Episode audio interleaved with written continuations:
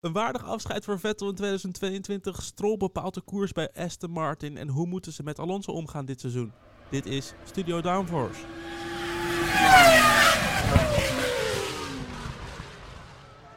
Hallo allemaal, leuk dat je luistert naar een nieuwe aflevering van Studio Downforce. De vierde aflevering van de pre-season winterstopcast van Studio Downforce. Vandaag gaan we een beetje terugblikken, maar vooral ook vooruitblikken op Aston Martin. Dat doe ik niet alleen, dat doe ik ten eerste samen met Elias. Hallo, ja, ik zit nog even mijn gehaktbal weg te werken, want ik heb net Ja. een kerstborrel gehad. Precies, als je denkt, hey, wie is daar aan het afwassen, dan is het Elias. En ik doe het ook samen met Lies. Hi. Hallo, hallo. hey, ja, wat gaan we vandaag doen? Ja, als je een beetje de eerste eh, paar afleveringen van de Winterstopcast hebt geluisterd, dan is het niks nieuws. We beginnen met een terugblik op het seizoen van Aston Martins. Aston Martins, Aston Martin. Eh, dan geven we nog even onze mening en onze cijfers over dit jaar voor Vettel, Stroll, Hulkenberg in de speciale rol en eh, te- Aston Martin als team. En we sluiten af met een vooruitblik op het volgende seizoen van Aston Martin, want daar staat ook wel het een en ander te veranderen. Nou, laten we maar beginnen. Oh nee, Elias. Vertel jongen, waar kunnen ze ons volgen? Ja, terwijl ik mijn gehaktbal nog aan het opeten ben. eh, Ja, ik wil eerst dat je hem doorslikt en dan vertelt waar ze ons kunnen volgen eigenlijk wel.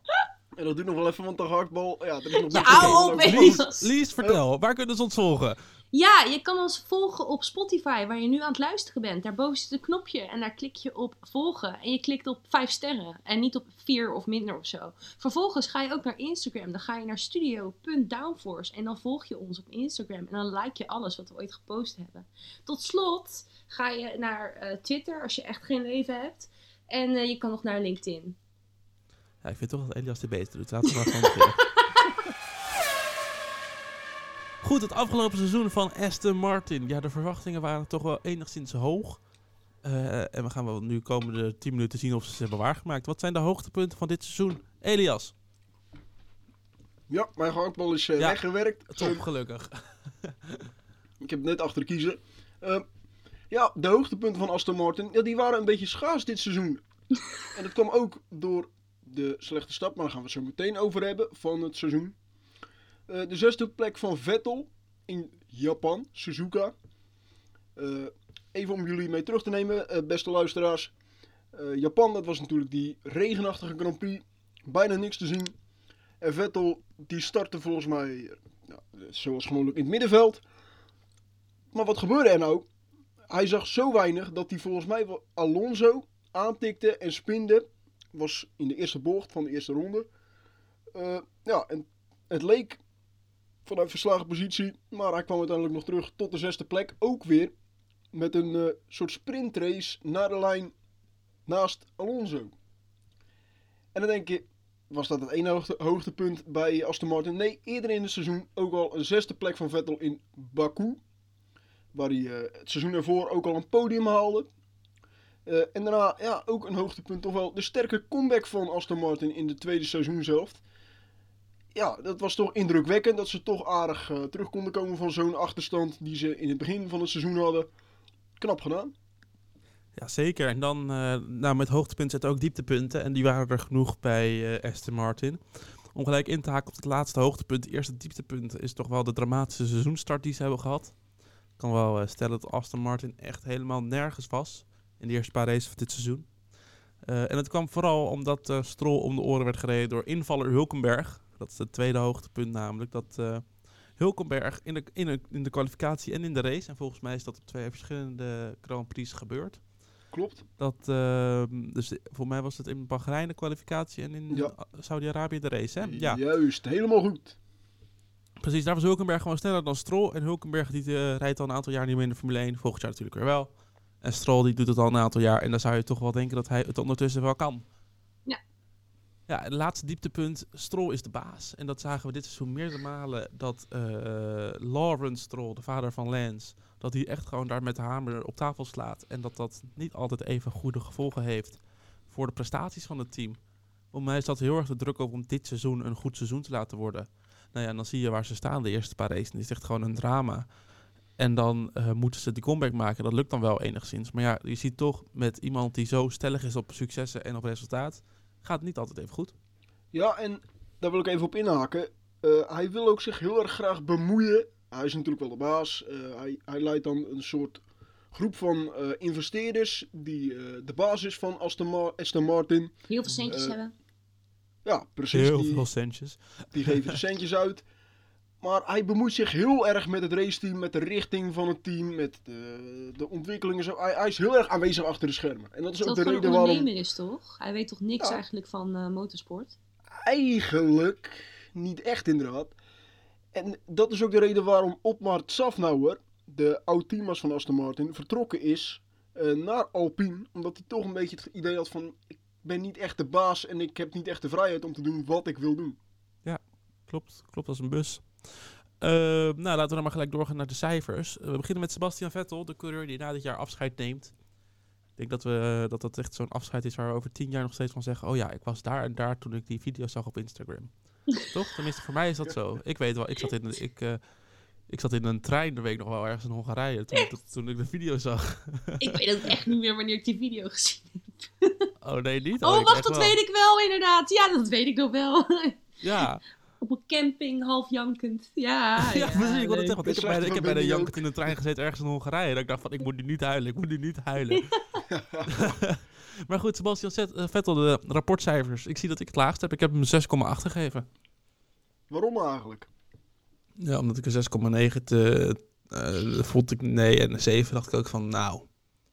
hmm, hij heeft het goed gedaan, maar het is, het is geen verbetering ten opzichte van vorig seizoen. Dus vandaar. En eh Elias, wat heb jij gegeven? Ja, ik heb het hoogste cijfer gegeven, een 7,5. Ligt er niet ver vanaf, moet ik zeggen. Ja, ik heb het volgens mij nog aangepast. Ik zat een beetje te twijfelen ook. Mhm. Eh, maar inderdaad, het, voor- een viervoudig wereldkampioen eh, is het natuurlijk ja, toch een beetje in mineur geëindigd, zijn carrière. Ja. Hm, Maar hij is dan misschien iets te lang doorgegaan ook. Dat kun je, kun je nooit helemaal zeker weten, niet helemaal plannen. Het, het- het blijft sport en het blijft lastig. ja, klopt, klopt. Eh, sommige mensen willen op een hoogtepunt stoppen, sommigen willen nog een aantal jaar door omdat ze plezier erin hebben. Nou, Oh, Sommigen Alonso. willen stoppen nadat ze Hamilton verslagen hebben.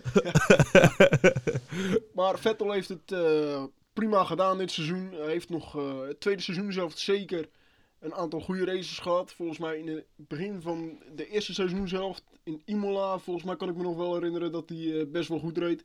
En we moeten ook niet vergeten dat hij aan het begin van het seizoen twee races afwezig was. eh, vanwege corona.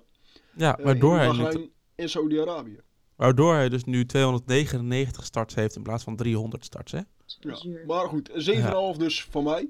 Ook vanwege Oh ja? Ook vanwege die actie eh, dat hij in Australië, toen hij terugkwam, eh, met een scooter over het circuit rijden. Oh, ja. Oh ja, die boete. Dat was best wel een flinke boete, toch? ja, maar goed, over boetes en de VIA kunnen we ook Ja, nog nee, oké, vullen. Dus een laten we maar snel doorgaan. Lies, jij had een 7, Eh, toch? Ja, ik eh, ik kan er heel simpel over zijn. Aan het begin van de, voordat hij aankondigde dat hij stopte, eh, was het een 5. En eh, nadat hij aankondigde dat hij stopte, was het een 9. En dan kom je uit op een 7. Ja, wat mij vooral opviel dat echt een soort last van zijn schouders wel heeft Ja. gegaan. Toen die hem had Ja, aangekondigd, hey, jongens, ik en we hebben echt, we hebben echt dubbele inhaalacties gezien toen. Eh, het was Ja. echt eh, onwijs. Je, je zag weer die sprankeling in zijn ogen. En eh, Ja. dat vond ik wel een heel mooi moment. Goed, aangezien wij nog drie eh, personen, teams, coureurs, cijfers moeten geven, laten we maar snel hier overheen gaan. Lance Stroll. Ik heb een hoogste gegeven, een 5. Maar ik zie Ja. dat de rest niet zo lief was voor hem. Weet je, hoogste? Een 5. Ja, maar hij bakt gewoon niks van. Het is, kwalificatie is... mm, de races zijn niet goed. Eh, hij heeft dan wel de statistiek van de meeste plekken goed gemaakt. Maar ja, als je elke race achteraan start, dan, eh, Dan maak je inderdaad plekken goed. moeilijk. Ja. Ja. Nee, maar Eh, eh, wat dacht je van eh, dat hij ook gewoon eh, P15 staat en Vettel P11 met eh, Ja, dezelfde aantal DNF's en eh, twee races uitgevallen. Vettel. Ja, naast- maar ja. Lies, jij hebt het laagcijfer gegeven. Ik zie een trendcijfer en het startnummer van Stroll. Ja, kijk, ik had hem niet een, een 1,8. Hij is misschien wel iets meer waard, maar dit kwam mooi uit vanwege zijn startnummer. Dus. Precies. en Elias 4,5. Ja, het spreekt wel voor zich, 4,5, denk ik, ja. hè? Dan Ja. eh, Nico Hulkenberg op basis van twee races. Hulk! Ja, hij is volgend seizoen natuurlijk weer terug. Jij hebt het hoogste cijfer gegeven, Lies. Ja, omdat ik moest. Je moest, ja, precies. Als je hem anders lager geeft trouwens, als je, als je objectief was. Eh, daar gaan we het een andere keer, daar gaan we het een andere keer over hebben. Oké, is goed. Elias 6,5. Een 6,5, ja. ik vind dat hij het eh, goed heeft gedaan als invaller zonder eh, eigenlijk veel voorbereiding of training. Ja, ik heb hem een 5,8 gegeven. Ik weet eigenlijk niet waarom zo'n specifieke 5,8, maar ik vond het eigenlijk wel een mooi cijfer. Goed, Omdat dan ik denk- het cijfer van Aston Martin. Aston Ja. Martin. Ehm 5,5. 5,5. Ze staan zesde in het kampioenschap, dat is toch best goed? Ze staan Ja, zevende, alleen- toch? De zevende plek ook, ja. Oh ja, sorry, zevende. Lekker bezig, Bram. Ja, nou gelijk punt met 6. Kom op jongens, even lief zijn voor mij. Ja, ja. goed, goed bezig, goed bezig. Maar ja, 5,5. eh het seizoen was bagger. Ze- Het begin van het seizoen was bagger slecht. Eh, ja, ik had er meer van verwacht. Uiteindelijk redelijk goed eh, teruggekomen. Goede comeback gemaakt eh, in de ontwikkeling. Eh ja, 5,5. Net een nip te voldoende. Ja, en Lies een 5. Ja, ik vind een voldoende vind ik, vind ik echt te veel. Weet je, Eh, PS7 dit jaar, eh, vorig jaar stond ze ook op plek 7, maar dan met 77 punten. En nu haal je er 55. Ja, ja nee, dan ga je toch achteruit in plaats van vooruit. Ja, dat klopt. Dan, eh nou, tot slot, eigenlijk kunnen we het wel koppelen aan de cijfers. Is het een geslaagd seizoen of niet? Elias en ik zouden dus zeggen... Nee. Maar eh, je hebt wel... ge- als, als je dit, dit cijfer op school krijgt, Elias een 5,5, dan heb je gewoon... Dan kan je gewoon Ja, dan door. ben je blij. Ja, studententeam. Vijf punten weer binnen. Ja, dus eh, als, als de Martin nu student zou zijn, zijn ze geslaagd. Maar er is heel veel ruimte voor verbetering. Tot slot blikken we vooruit op het volgende seizoen van Aston Martin 2023. Best wel wat wijzigingen. Gelukkig niet met eh, teambaas en zo. Dat eh, zijn ze lekker uit die Maleisen gebleven. Maar wel, omdat Vettel natuurlijk met pensioen gaat, is daar een plekje vrijgekomen. En omdat Hulkenberg naar Haas gaat, is daar weer een plekje vrijgekomen. Kortom, twee nieuwe plekken die gevuld zijn. Allereerst de coureurs-line-up. Stroll zit er nog steeds, helaas. Maar nu wel met Fernando Alonso. Ja, Ja, ligt Weer het aan mij of zijn Alonso en Lawrence Stroll op polar opposites van elkaar? ja, dit wordt nog leuk. Dit wordt echt nog leuk, joh. Dat, dit, ja, dat toch- vuurwerk. Achter de Ja. schermen. Alonso. Of het zijn juist twee die allebei willen dat er gepresteerd wordt. Dat ze dus elkaar een beetje opfokken. En dat ze op een gegeven moment gewoon een nieuwe fabriek die ze hebben opblazen. Nee, La- Lawrence Stroll die wil wel dat Lance Stroll wint in die auto. Nou, Ja, dat, dat gaat goed tot nu toe dan. Ja, nee. Maar eh nee, ja, Alonso, ik hoop echt dat hij, dat hij de Stroll vierkant rijdt. Ik ja, hoop dat gaat het ook. sowieso ook wel gebeuren, denk ik. Maar ook Ja, gewoon met zo'n afstand dat ze er niet eens meer over kunnen twijfelen. Dat ze gewoon Lance aan de, aan de kant moeten zetten, weet je wel. Maar dat, dat ze ook gewoon in het team zeggen van ja luister, eh, dat ze tegen Lawrence Stroll zeggen, ja luister, uw zoon is de reden dat wij niet, dat wij niet beter gaan nu. Ja. Goed. Maar nou, dat is- de, wie er eigenlijk had moeten zitten, dat komt nu. Ik wilde eigenlijk zeggen dat er verwachtingen van ons zo meteen komen, maar fijn, dit, dit bruggetje ga ik even bewandelen. Want eh, de reservecoureur van eh Aston Martin is Felipe Drugovic geworden. Ja, die had erin moeten zitten. Op de maar plek wel op van de plek van Lance Stroll. Ja. ja, nee, absoluut niet op de plek van Alonso, maar wel echt absoluut op de plek van Stroll. Hé, hey, maar ze hebben ook Stoffel van Doorn binnengehaald als reservecoureur. Ja. Op papier heel slim, want dan heb je een coureur met eh, we- de wereldtitelervaring, hè, Formule 1, net zoals Nick de Vries. En een, een coureur die eh, dus kan leren van hem, namelijk Drugovic. Nu is mijn vraag, stel Stroll valt uit en Stoffel van Doorn en Drugovic zouden beide op het circuit zijn. Wie zouden ze dan in die auto zetten? Oeh. Ik denk toch Drugovic. Ik denk Van Doorn vanwege de ervaring. Ja, maar dat is ook wel heel lang geleden hoor. 2017 zijn laatste, goed, 2018 maar je- zijn laatste Formule 1 race. Je ziet Ja. met de Vries en eh, Formule 1, Formule 1. Ja, ja. Ik denk dat Ik- het wel kan. Ik denk ook dat ze Van Doorn erin zouden zetten, maar als ik het was geweest, had ik er Drukovic in gezet.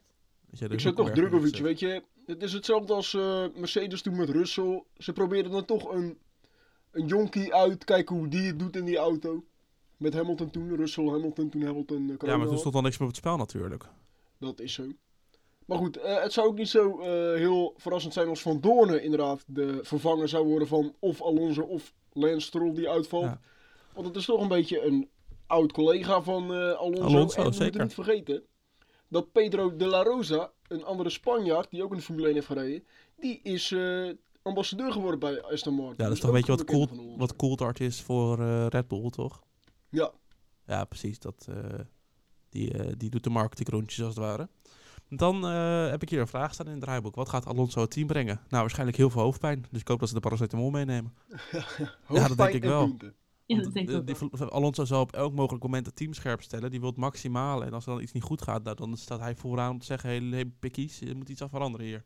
Ja, Alonso is een levende legende in de Formule 1. Ook vanwege alle eh, ja, krantenkoppen die hij scoort. Maar hij brandt echt zoveel bruggen. Dat is echt, hij verbrandt zoveel bruggen. Het is niet normaal. Ja, de bruggen die wij allemaal opbouwen, die zouden verbrand worden door Alonso weer. Ja. Ja. Goed, dan de doelstellingen en verwachtingen. Vanuit het team zijn er... Ja, ik mag hopen dat ze, willen, dat ze Alfa Romeo willen verslaan met gelijk hoeveelheid punten van dit jaar.